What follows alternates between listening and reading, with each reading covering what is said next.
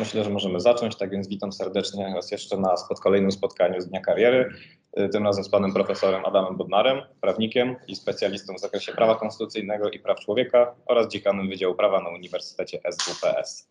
Tak więc witamy serdecznie i teraz może pan jeszcze opowiedzieć o swoim zawodzie i profesji.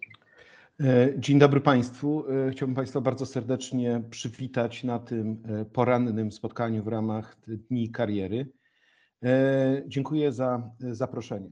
Kilka słów o mnie. Obecnie pracuję jako profesor oraz dziekan Wydziału Prawa w Warszawie Uniwersytetu SWPS. To jest praca typowo naukowa, trochę też praca związana z zarządzaniem całym wydziałem. Natomiast oprócz tego Myślę, że wciąż y, uczestniczę w życiu publicznym, y, angażuję się i wspieram kilka organizacji społecznych działających w Polsce oraz y, za granicą. Prowadzę działalność publicystyczną podnoszącą świadomość na temat rządów prawa oraz praw człowieka. No i oczywiście wcześniej, zanim byłem dziekanem Wydziału Prawa, pracowałem przez prawie 6 lat jako Rzecznik Praw e, Obywatelskich między wrześniem 2015 roku a lipcem 2021 roku. To w zasadzie była wtedy moja jedyna e, praca, a jeszcze zanim zostałem Rzecznikiem Praw Obywatelskich, to przez e, ponad 10 lat pracowałem na Uniwersytecie Warszawskim oraz dla Helsińskiej Fundacji Praw Człowieka. Mam także pewne związki z organizacjami międzynarodowymi. Taka najważniejsza rzecz, jaką robiłem, jeśli chodzi o organizacje międzynarodowe, to przez dwa lata byłem członkiem Rady Dyrektorów e, Funduszu ONZ na rzecz e, ofiar tortur. To jest taka dość e, istotna mini struktura w ramach ONZ-u, która pomaga organizacjom społecznym, szpitalom, lekarzom, naukowcom, którzy zajmują się walką z torturami, w tym zwłaszcza rehabilitacją ofiar tortur. Także myślę, że jeśli chodzi o, patrząc tak z punktu widzenia e, to, tego, co Państwa interesuje, no moja, mój rodzaj kariery to jest kariera e, w świecie zdecydowanie prawa, e, ale jednak dość nietypowa, ponieważ jest to środowisko pozarządowe i z przejściem na służbę publiczną w kontekście Rzecznika Praw Obywatelskich. Jest to połączone też z karierą naukową. Obecnie akurat znajduję się, a propos kariery naukowej, znajduję się na Uniwersytecie w Kolonii, gdzie od tego tygodnia jestem tak zwanym profesorem wizytującym, także to jest takie, są takie nowe obowiązki. Muszę tu kilka tygodni w roku właśnie być i y, wykładać jako profesor wizytujący. Studiował Pan prawo konstytucyjne i chciałbym zapytać o to, czy od początku już e, właśnie e, planował Pan karierę prawniczą, czy może jednak były jakieś wahania i chciał Pan e, po prostu na przykład studiować to prawo, a wybrać coś innego, na przykład dziennikarstwo? E, to znaczy, jak e, ja akurat pochodzę z takiej rodziny, gdzie mm, rodzice musieli dość dużo pieniędzy zainwestować w moje studia. To nie było wcale proste, żeby e, chłopak z małej miejscowości, z której pochodzę, Gryfice w województwie zachodniopomorskim, mógł pojechać na studia do Warszawy, utrzymać się na tych studiach i, i skończyć normalnie te studia, dlatego ja nie miałem aż takiego wielkiego, powiedziałbym, wyboru, to znaczy y, rodzice trochę wychodzili z założenia, że skoro w te studia inwestują, to one muszą dać konkretny zawód, a akurat prawo im się z czymś takim y, kojarzyło. Y, natomiast jak zaczynałem studiować prawo, nie miałem wcale określone, mm, kim będę po tych studiach prawniczych. To znaczy wcale nie miałem nikogo w rodzinie prawniczej, nie miałem, z rodziny prawniczej w rodzinie nie było adwokatów, radców prawnych, sędziów, prokuratorów. Także ta, w pewnym sensie sam sobie wytyczałem e, tak zwaną ścieżkę kariery. E, w trakcie studiów e, zdecydowanie bliżej mi było do prawa publicznego, jeśli chodzi o zainteresowania naukowe. I takim dla mnie mistrzem był i jest do dzisiaj pan profesor Mirosław Wyżykowski, u którego pisałem pracę magisterską z zakresu właśnie praw człowieka. Natomiast co ciekawe, na studiach prawniczych wtedy istniała taka możliwość, E, cały czas istnieje, żeby ukończyć tak zwane szkoły prawa obcego. To znaczy akurat na Uniwersytecie Warszawskim była to szkoła, szkoła prawa brytyjskiego i europejskiego, a była także szkoła prawa amerykańskiego, gdzie studenci uczyli się już w języku angielskim, jak te podstawowe zasady prawa e, funkcjonują. To było dla mnie bardzo przydatne, ponieważ dzięki temu po czwartym roku studiów mogłem podjąć pracę w zachodniej kancelarii prawnej w biurze warszawskim tej kancelarii prawnej. W zasadzie przez ostatni rok studiów, a także przez trzy lata po studiach z przerwą roczną na studiach w Budapeszcie prowadziłem w zasadzie całkowicie inną działalność niż teraz.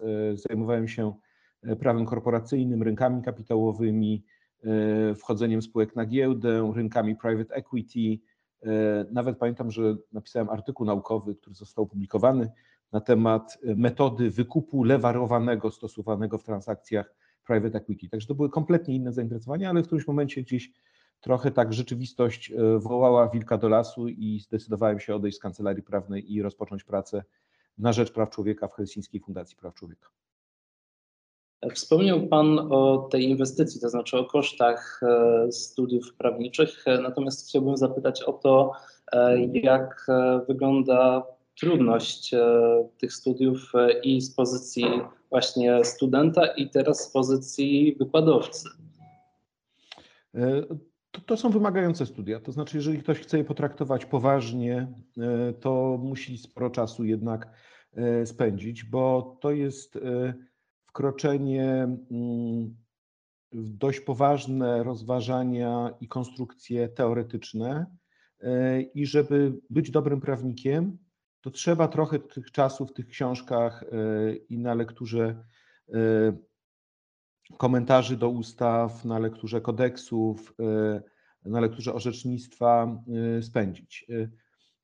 Może nie są to studia aż tak wymagające jak na przykład medycyna. Prawdopodobnie, o ile wiem, na medycynie znacznie więcej jest tak zwanego zakuwania i e, zapamiętywania różnych e, rzeczy.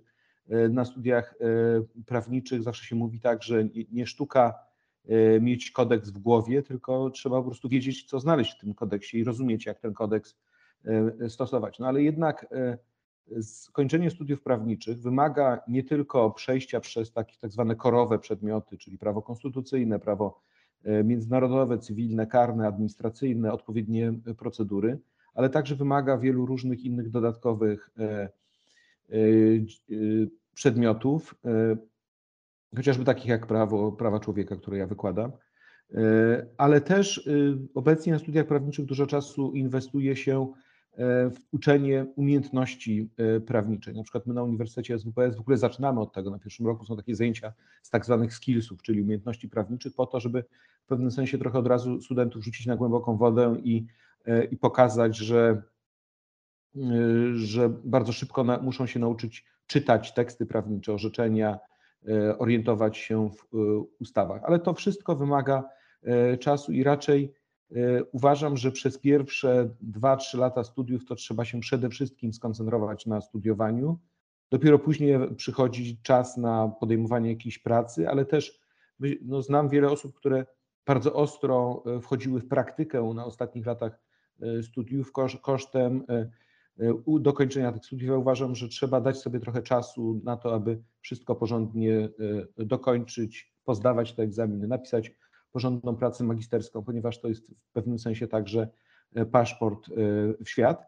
E, co więcej, na wielu wydziałach prawa obecnie studenci mogą się angażować w działalność tak zwanych klinik prawnych, które pozwalają na to, aby łączyć uczenie się prawa z pewnym, pewną rodzajem praktyki. Tu chodzi o doradzanie po prostu ludziom, zwyczajnym ludziom, którzy przychodzą i którzy oczekują porad prawnych. Ewentualnie Y, studenci mogą uczestniczyć w tak zwanych moodcourtach, czyli w tak zwanych symulowanych pojedynkach sądowych i są różne moodcourty krajowe, międzynarodowe. Teraz na przykład drużyna z mojego uniwersytetu bierze udział w takim bardzo prestiżowym moodcourcie, który dotyczy prawa arbitrażowego i się odbywa, znaczy dzisiaj się odbywa zdalnie, ale do zasady jest organizowany w Wiedniu. Jak długa jest droga e, po studiach e, do zostania prawnikiem? Na czym polega aplikacja prawnicza?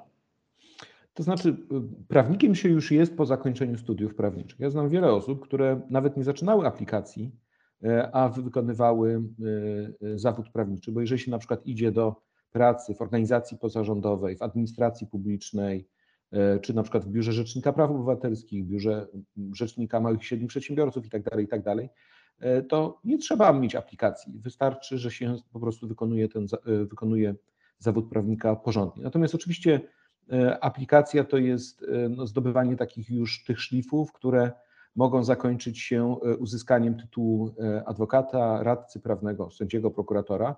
I tu zasadniczo mamy dwa typy tych aplikacji. Jedno to są aplikacje organizowane przez sam samorząd zawodowy, czyli to samorząd przygotowuje i szkoli do tego, aby ktoś został przyszłym adwokatem, radcą prawnym.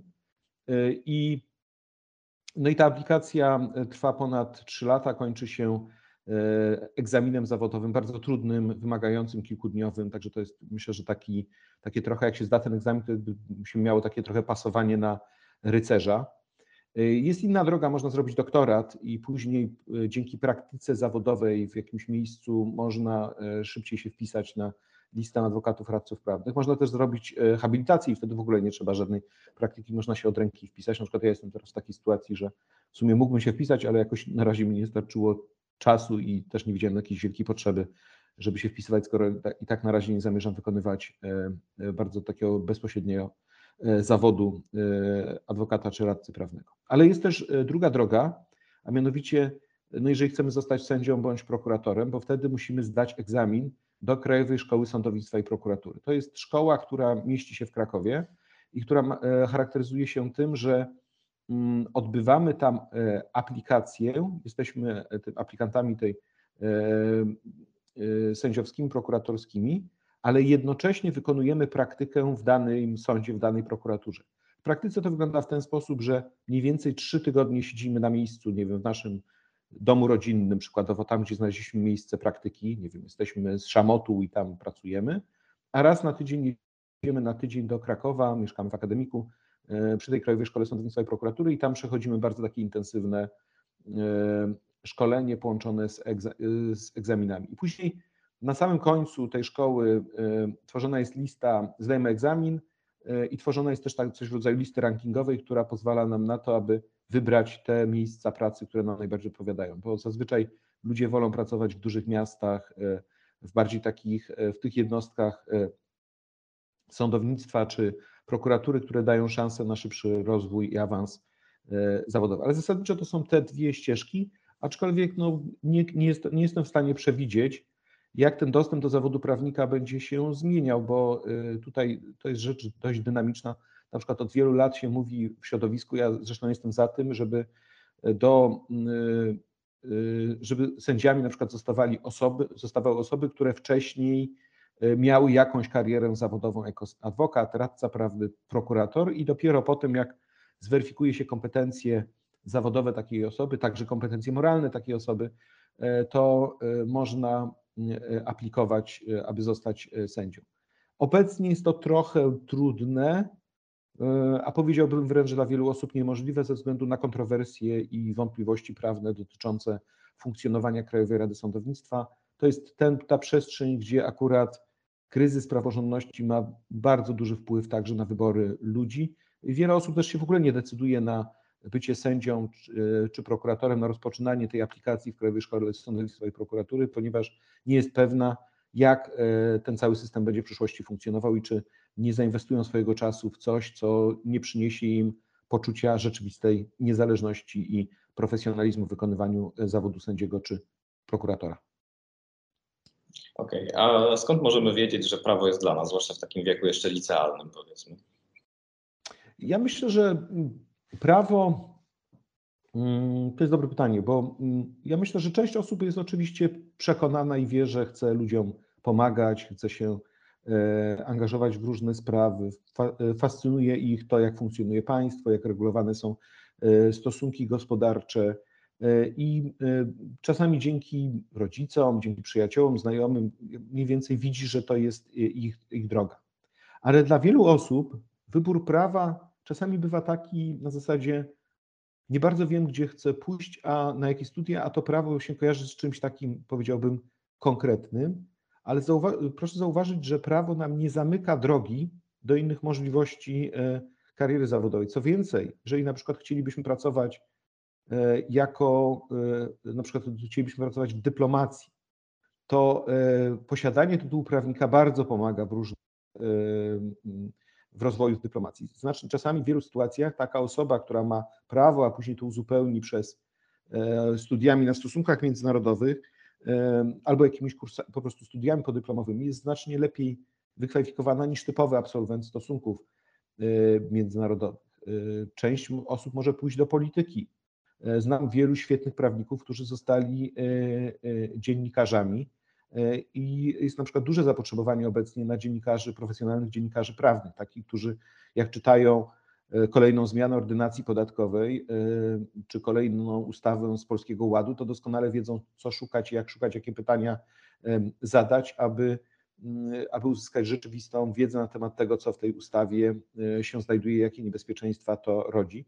Są nawet, drodzy Państwo, tacy znani absolwenci prawa, którzy później zostawali dziennikarzami sportowymi. No, taką osobą, która w pewnym sensie tak zawodowo trochę zatoczyła koło, to jest pan redaktor Tomasz Zimoch. Pan Tomasz Zimoch był przez wiele, wiele lat taką legendarną postacią Polskiego Radia, komentatorem sportowym. E, on zasłynął z takich bardzo emocjonalnych komentarzy w czasie meczy. E, niektóre z nich nawet można gdzieś tam jeszcze na YouTubie znaleźć jako mm, e, właśnie taki przykład takiego wyrazistego komentowania.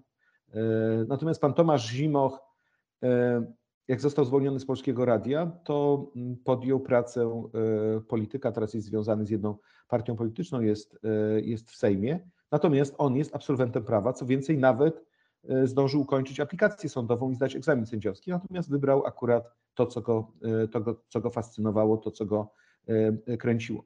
Także prawo nas nie zamyka na inne opcje. Jeżeli ukończymy studia prawnicze, wciąż możemy pójść do biznesu, możemy pójść do E, do dziennikarstwa, e, możemy pójść do dyplomacji, możemy zarządzać jakąś, jakimś, czy iść w kierunku zarządzania jakimś przedsiębiorstwem. Także tutaj różne opcje mamy otwarte. Natomiast oczywiście zdecydowana większość osób rozpoczyna i kończy studia prawnicze po to, aby zostać prawnikami. I, I część z nich nawet gdzieś już w trakcie studiów ma bardzo ustaloną taką ścieżkę i, e, i drogę, e, co chciałaby zrobić, e, w którym kierunku pójść. Okej, okay. a jeszcze jakie są według Pana takie cechy, które wręcz są obowiązkowe w takiej karierze, a także takie, które po prostu powiedzmy są mocnymi zaletami, jeżeli ktoś decyduje się pójść w tą stronę? Znaczy, wydaje mi się, że mm, bardzo ważne jest, jeśli, jeżeli chcemy zostać prawnikiem, aby mm, sumiennie się przykładać do wykonywanych e, obowiązków. E, prawnicy bardzo lubią, jak e, w pewnym sensie ktoś dowozi rezultat.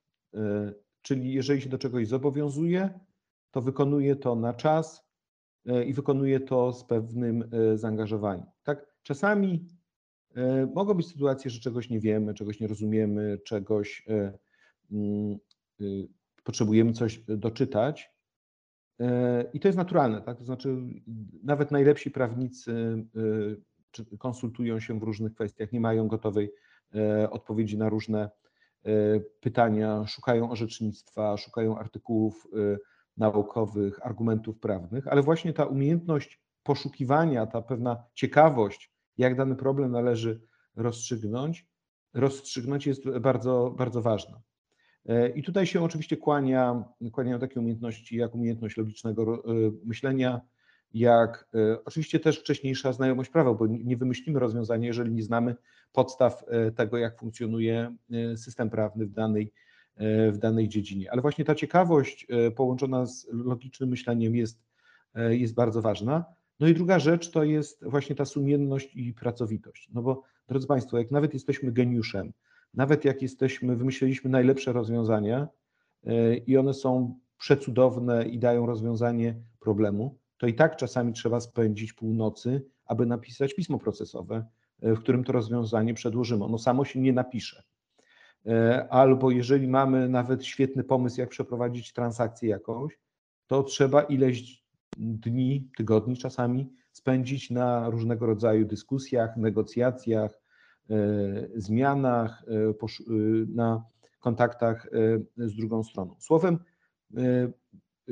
prawo wykonywane bywa czasochłonne i prawo i wykonywanie tego zawodu nie znosi lekceważącego podejścia, bo jeżeli coś zaczynamy lekceważyć, to się to na nas prędzej czy później zemści.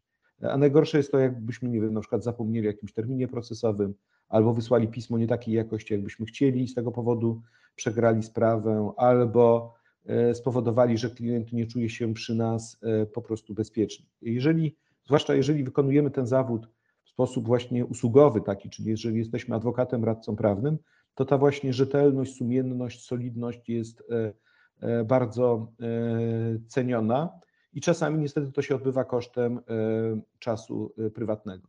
Zresztą jak się jest sędzią czy prokuratorem też nie jest lepiej, bo to też jest praca, która jest wymagająca, zwłaszcza pisanie uzasadnień sądowych. Dlatego jeżeli mm, jesteśmy prawnikiem, jeżeli nam się uda E, połączyć to, że e, wykonujemy ten zawód, ale jednocześnie po prostu lubimy to, lubimy ludzi, lubimy z nimi pracować, e, jesteśmy w stanie jakoś być bardziej otwarci w stosunku do, do klientów, to wtedy to może się okazać, że to jest naprawdę bardzo fascynująca praca i zresztą to później wychodzi, tak, bo na przykład na rynku prawniczym są różnego rodzaju rankingi e, prawników, którzy są dobrzy, w jakich dziedzinach i z uzasadnieniami, dla, e, dlaczego tak się e, dzieje. I teraz czasami mam już taką przyjemność, że czasami obserwuję jakichś swoich byłych studentów albo byłych współpracowników i widzę, jak oni się pięknie rozwijają z czasem. Tak jak kiedyś jeszcze zaczynali jako studenci, a, mm, a teraz są po prostu wybitnymi prawnikami, czy to praktykami, czy naukowcami. Mam na przykład takiego kolegę, E, który nazywa się Maciej Bernat. E, pamiętam, jak on chodził do mnie na zajęcia z prawa publicznego, gospodarczego na Uniwersytecie Warszawskim. E, pamiętam, jak go zapraszałem do tego, żeby zaczął mi pomagać Fundacji Helsińskiej, bo był bardzo taki fajny, wygadany i, i, i po prostu no, no, mądry chłopak.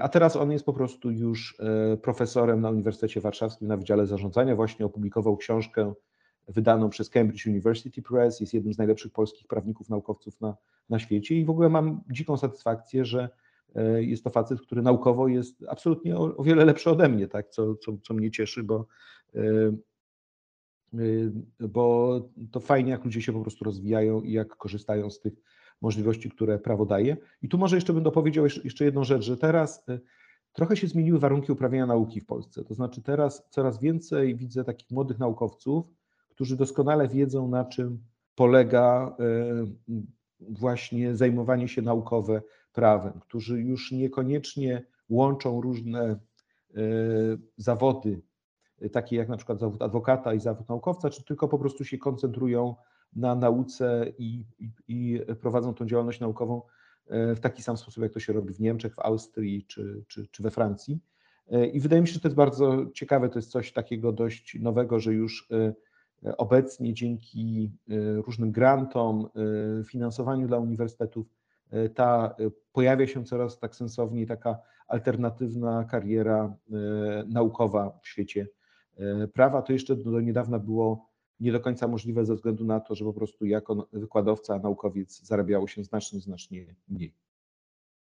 Wspomniał Pan o tych dodatkowych aktywnościach, e, a wiem, że prowadzi Pan audycję w Nuance Radio e, Prawy Adam i chciałbym zapytać o to, jak e, pogodzić właśnie prawo z różnymi dodatkowymi aktywnościami, czy jest to łatwe, czy jest to jednak jakiś wyczyn. Znaczy ja myślę, że ja nie jestem jakimś najlepszym przykładem do mówienia o łączeniu tych, tych aktywności, ponieważ dla mnie prowadzenie tej e, audycji radiowej czy działalność publicystyczna to jest po prostu jakaś tam forma kontynuowania obecności w debacie publicznej. Zwyczajnie świecie tak to traktuję. To jest e, trochę część mojej jakiejś drogi zawodowej. Tak, przestałem być rzecznikiem i zastanawiałem się, w jaki sposób mógłbym dalej o różnych sprawach, które mnie interesują, które są dla mnie ważne, jak mógłbym dalej o tym e, mówić. No i mi po prostu wyszło, że E, że między innymi taka działalność właśnie publicystyczna byłaby e, ciekawa. Natomiast jeżeli mamy zwyczajnego, przeciętnego adwokata, radcę prawnego, to najczęściej oni angażują się w sprawy pro bono, czyli w sprawy, które oni prowadzą w interesie publicznym. Czasami może to być pomoc do jakiejś fundacji charytatywnej, czasami do jakiegoś stowarzyszenia, czasami to może być prowadzenie jakichś wymagających spraw E, sądowych dotyczących na przykład represjonowanych sędziów, prokuratorów, dziennikarzy czy aktywistów społecznych. I wydaje mi się, że dla prawnika to jest chyba najlepsza forma działalności, aby mm, właśnie wykorzystywać swoje umiejętności w taki sposób, ażeby działać na rzecz dobra publicznego, ale właśnie za darmo, czyli za to, że e, po prostu dla idei się kogoś e, reprezentuje, komuś się pomaga. Jeszcze inni adwokaci, e, radcowie czy sędziowie, prokuratorzy angażują się w działalność edukacyjną. Jest sporo różnych programów uświadamiających, podnoszących mm, znaczenie określonych tematów edukacyjnych dla, dla młodzieży. Jeszcze niedawno można było prowadzić bardzo taką zaawansowaną działalność e, edukacyjną w szkołach, ale od czasu e, ministra Czarnka jest to znacząco e, utrudnione. Natomiast to też jest forma zaangażowania. Jeszcze inna forma to oczywiście ta publicystyka. Jest kilku, kilkunastu, może nawet kilkudziesięciu prawników, którzy to, to robią. Myślę, że profesor Marcin Matczak, którego na pewno znacie, jest, jest doskonałym przykładem, jak można prowadzić działalność taką właśnie uświadamiającą, dotyczącą e, prawa. E, także to, a przecież profesor Matczak pracuje także na, na uczelni, na Uniwersytecie Warszawskim oraz prowadzi działalność, bardzo zaawansowaną, zaawansowaną działalność zawodową w jednej dużej warszawskiej kancelarii, w kancelarii Domański-Zakrzewski Palinka. Słowem tych form różnego, jeszcze może dodałbym, że na przykład znam prawników, którzy są literatami, którzy piszą E, książki, czasami książki rozrywkowe e, albo książki, które są jakąś zwyczajną literaturą obyczajową, a czasami po prostu zwyczajną, porządną e, literaturę. Jeszcze inne osoby wspierają fundację, na przykład mój były zastępca, pan profesor Maciej Taborowski, przez wiele lat wspierał i wspiera cały czas fundację Okularnicy, która organizuje konkurs piosenki poetyckiej imienia Agnieszki e, Osieckiej. Słowem, e, zazwyczaj prawnicy mają trochę więcej, może czasami gdzieś tego prawa nie wystarczy i gdzieś szukają jakichś innych form aktywności. Natomiast nawet jak tak się dzieje, to nie powinno to przysłaniać tego, co jest dla każdego prawnika core business, tak? Czyli każdy prawnik jest oceniany za to, czy jest solidny, rzetelny, czy wykonuje te swoje podstawowe y, y, zadania. Y, jeżeli ta inna działalność wkracza w jego te główne obszary działalności zawodowej, to rynek to zauważa. To znaczy, to, to, ten, to czasami to może wręcz wpływać negatywnie na reputację. Jeżeli tej aktywności pobocznej jest za dużo, to klient zaczyna się zastanawiać, ok, ale to czy on w takim razie, ten prawnik będzie miał czas na mnie, czy on będzie w stanie porządnie mnie obsłużyć, E, jeżeli on tutaj właśnie e, zajmuje się wieloma innymi e, rzeczami. Okej, okay, a tak teraz chcieliśmy się jeszcze dowiedzieć, co w przypadku, gdyby ktoś po ukończeniu polskiej ścieżki, polskich studiów chciałby wyjechać za granicę i tam kontynuować swoją pracę jako właśnie prawnik. Jak to wygląda? To jest możliwe i to jest coraz to jest popularne i wiele, może nie wiele, ale jakaś część osób to robi. Zazwyczaj Konieczne jest wtedy uzupełnienie studiów prawniczych w Polsce jakimś dodatkowym tytułem zagranicznym. E, te tytuły się nazywają LLM, Master of Laws. E, I to są zazwyczaj roczne, takie bardzo intensywne studia prawnicze, które pozwalają, w zależności od tego, gdzie je skończymy, bo są one albo, albo są tak zwane LLM-y, które są wyspecjalizowane w danej e, dziedzinie, na przykład, nie wiem, w Sztokholmie jest LLM z zakresu prawa własności intelektualnej, mam jedną koleżankę, moją byłą studentkę, która skończyła tego LLM i teraz pracuje w Alicante w Hiszpanii, gdzie się znajduje Europejski Urząd do Spraw Rejestracji Znaków Towarowych. No i się zajmuje właśnie własnością intelektualną e, na poziomie e, Unii Europejskiej. Ktoś pojedzie do Maastricht, e, tam skończy LLM z zakresu prawa europejskiego i to jest myślę, że niezły paszport do tego, aby się starać o zatrudnienie w organach i instytucjach unijnych. Ktoś jeszcze pojedzie do na przykład Genewy, tam, koń, e, e, tam kończy odpowiednie właśnie tego typu mm, LLM-y czy inne podobne programy i na przykład może dostać, gdzieś starać się o zatrudnienie w różnych organizacjach międzynarodowych bo, albo organizacjach pozarządowych, które działają w Genewie. Ale są jeszcze takie LLM, które mm, można ukończyć na przykład w Stanach Zjednoczonych i one są bardzo ciekawe, ponieważ one to są te, te programy Master of Laws, które są rządzone prawem amerykańskim. W dużej mierze uczy się człowiek prawa amerykańskiego przez jakiś czas, natomiast później może po tym LLM-ie podejść do egzaminu na adwokata amerykańskiego, czyli do tak zwanego bar exam.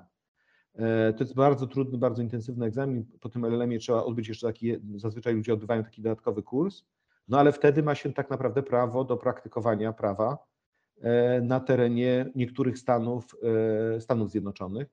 E, jest, jest sporo osób, które dzięki tym LLM-om oraz tym bar exam podejmują na przykład później pracę w, w nowojorskim bądź w londyńskim City i pracują w tych wielkich, gigantycznych kancelariach prawnych. Natomiast chciałbym zwrócić uwagę, że taka praca jednak później jest, ma dość, ma pewną specyfikę, to znaczy jeżeli idziemy w tym kierunku międzynarodowym, to raczej nie powinniśmy się spodziewać, że będziemy później obsługiwali ludzi w zakresie prawa karnego, czy w zakresie prawa rodzinnego, czy w zakresie jakichś, nie wiem, krajowych aspektów e, prawa regulacyjnego dotyczącego prowadzenia działalności gospodarczej. Prawdopodobnie wtedy będziemy e, pracowali e, w, w takich dziedzinach jak rynki kapitałowe, prawo korporacyjne, umowy handlowe, międzynarodowe, e, to mogą być w pewnym zakresie prawo nieruchomości, także arbitraż międzynarodowy, czyli rozwiązywanie sporów za pomocą postępowań arbitrażowych, ewentualnie jakieś większe postępowania o charakterze transgranicznym. Słowem, jak idziemy w tym kierunku międzynarodowym, to też wchodzimy na zajmowanie się trochę innymi rodzajami prawa, ale no jest, na pewno, jest na pewno zapotrzebowanie na takie e, osoby. E, są też osoby, które po prostu z takimi tytułami później dalej pracują w Polsce. Znam sporo prawników, którzy mają podwójny tytuł, mają tytuł polski oraz mają tytuł e, właśnie amerykański i to im w wielu przypadkach pozwala. Ostatnio słyszałem o takiej ciekawej historii, bo są niektóre dziedziny prawa, takie naprawdę zupełnie nowe, które się bardzo rozwijają. E, mam taką, e, ja na Uniwersytecie SWPS prowadziłem takie spotkania w ramach kółka prawnego i ostatnio miałem spotkanie e, z panią mecenas Magdaleną Zmysłowską, która pracuje w kancelarii Wierciński-Kwieciński-Ber.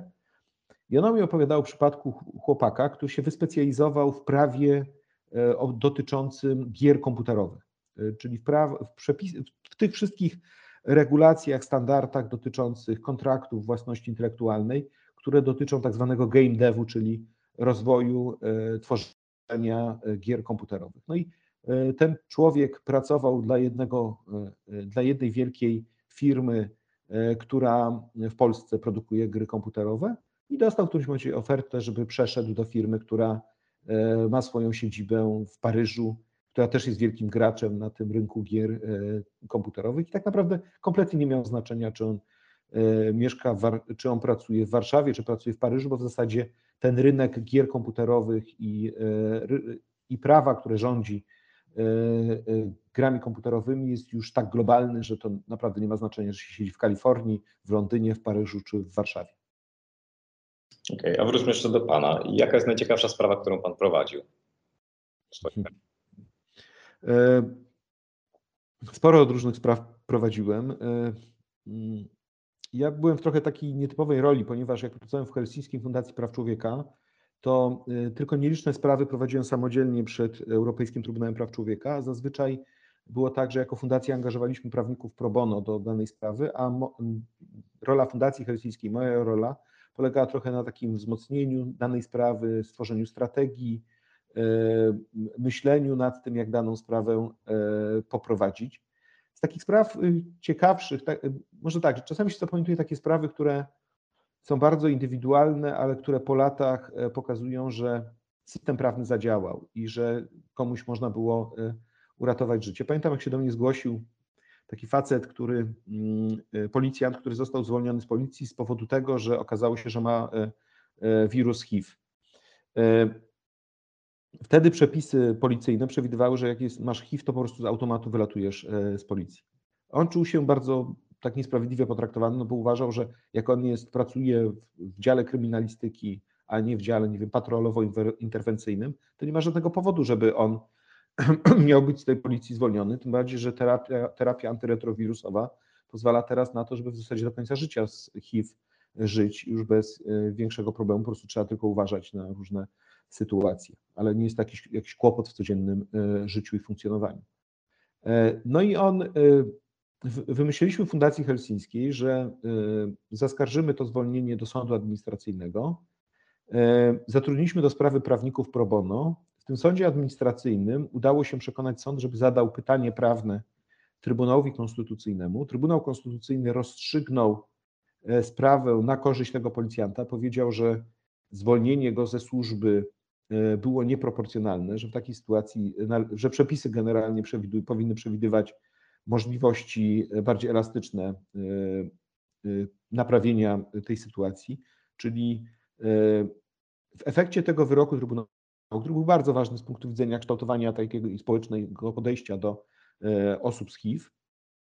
Mm, e, ten e, policjant wrócił do służby, następnie pracował jeszcze kilka lat, później odszedł ze służby już na własne życzenie, bo stwierdził, że chce się zająć czymś innym i miałem strasznie dużą taką satysfakcję, jak zupełnie przypadkiem, drodzy Państwo, Spotkałem go trzy lata temu na Openerze. On tam pracował w charakterze sanitariusza na Openerze i po prostu cały fajny, szczęśliwy młody człowiek, który, który miał takie poczucie, że prawo mu po prostu pomogło, tak? że, że system w jego przypadku zadziałał. I takie sprawy, gdzie system zadziałał i daje poczucie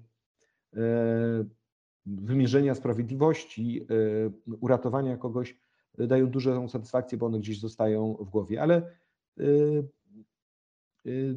taka sprawa, która dla mnie absolutnie, druga taka sprawa, która była dla mnie bardzo ważna, to jest sprawa dotycząca istnienia tajnego więzienia CIA na terytorium Polski. Przez ładne kilka lat się sprawą zajmowałem wraz z koleżanką, panią mecenas Irminą Pacho. I, no i myślę, że dzięki naszym działaniom udało się doprowadzić do ujawnienia wielu różnych informacji, które, po których już nikt nie mógł protestować, że tego typu więzienia w Polsce nie było, absolutnie było. Funkcjonowało między listopadem 2002 roku a wrześniem 2003 roku. Było w nich więzionych od 6 do 8 osób. Nie wiemy jeszcze dokładnie, nie znamy wszystkich nazwisk tych osób, ale cztery osoby na pewno wiemy, że tam e, były. Zresztą te sprawy później się zakończyły postępowaniem przed Europejskim Trybunałem Praw e, Człowieka. Także to była taka duża sprawa, gdzie miałem takie poczucie, że wkraczam w pewne przestrzenie, które nie są, nie chcę powiedzieć, że są niebezpieczne, ale takie trochę człowiek nie do końca, jak nie ma doświadczenia, nie czuje się zbyt pewnie, kiedy wie, że po drugiej stronie są jakieś wielkie interesy międzynarodowe, służby specjalne e, i, i tak trochę nie, nie, do końca wiadomo, jak dana sprawa się e, potoczy. E, no i wreszcie trzecia rzecz to w zasadzie to, co robiłem przez ostatnie kilka lat, czyli walka o praworządność, to znaczy różne sprawy sądowe, które podejmowaliśmy w obronie praworządności w Polsce, to, był, to, to, to było coś absolutnie, jest cały czas fascynującego, ale no, cieszę się, że jako RPO mogłem w tych sprawach uczestniczyć i, i nieraz miałem takie poczucie, że występując w obronie praworządności nie tylko bronię czy to konkretnych sędziów i tak dalej, tylko po prostu występuje w obronie najzwyczajniej w świecie demokracji i członkostwa Polski w Unii Europejskiej. To jest e, wielka e, satysfakcja, ale też e, odpowiedzialność, no i też taka trochę troska, co się z Polską będzie działo i jak Polska będzie w przyszłości wyglądała, jak będzie funkcjonowała dla nowych pokoleń. A jako prawnik broni pan każdego, czy jednak są przestępstwa, przy których nie podjąłby się pan obrony?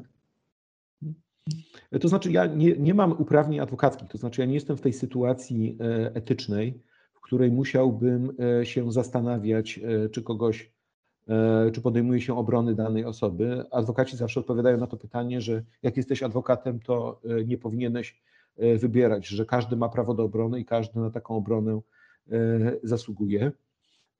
I, i w zasadzie w Polsce wydaje mi się, że to jest realizowane. Natomiast E, zajmując się prawami człowieka, nieraz zdarzało mi się występować w obronie osób, które e, były bardzo negatywnie oceniane przez społeczeństwo, które były bardzo, które miały różne, były podejrzane o różne poważne grzechy na, e, na sumieniu i z tego powodu też no, spotykałem się z sytuacjami, kiedy, kiedy gdzieś tam trafiał do mnie e, hejt z, te, z tego powodu. Pamiętam, że jako RPO e, podjąłem taką dość mocną interwencję dwa lata temu w obronie takiego faceta, który został zatrzymany w związku z zabójstwem w Mrowinach. To było bardzo brutalne zabójstwo małego dziecka.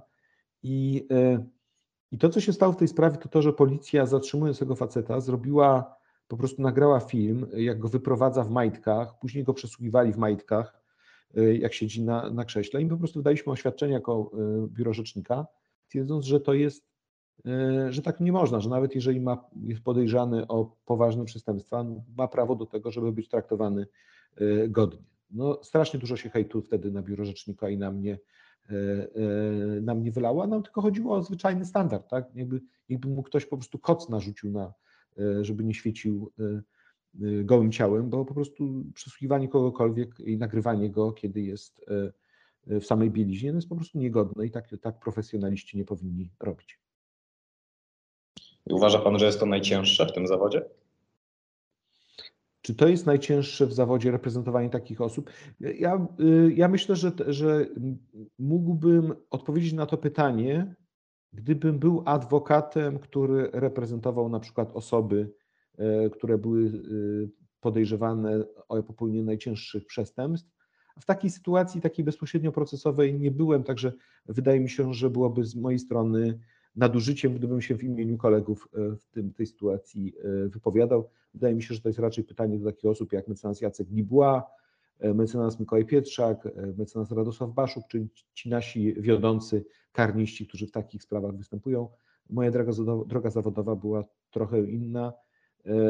Natomiast, może częściowo odpowiadając na Pana pytanie, wydaje mi się, że czasami hejt pod adresem prawników nie jest czymś przyjemnym. To, to nie jest, wiem, że prawnicy przeżywają to, muszą się też nauczyć, jak z tym, e, z tym żyć e, i jak wpisać to w pewnym sensie w to, że to jest część drogi, drogi zawodowej. I wydaje mi się także, że ciężkie są represje w stosunku do adwokatów. Na przykład uważam, że to, co się stało mecenasowi Robertowi, Romanowi Giertychowi w ostatnich latach, to było potężne nadużycie ze strony władzy, a tym bardziej jak miałem, byłem wtedy w kontakcie z jego córką, e, która bardzo to strasznie e, przeżywała, bo widziała w tym głęboką niesprawiedliwość i widziała, że to jest po prostu e, polityczna zagrywka. I, ta, I takie sytuacje, kiedy adwokaci muszą się mierzyć z wielką polityką, też wydaje mi się, to jest coś, co nie jest specjalnie w tym zawodzie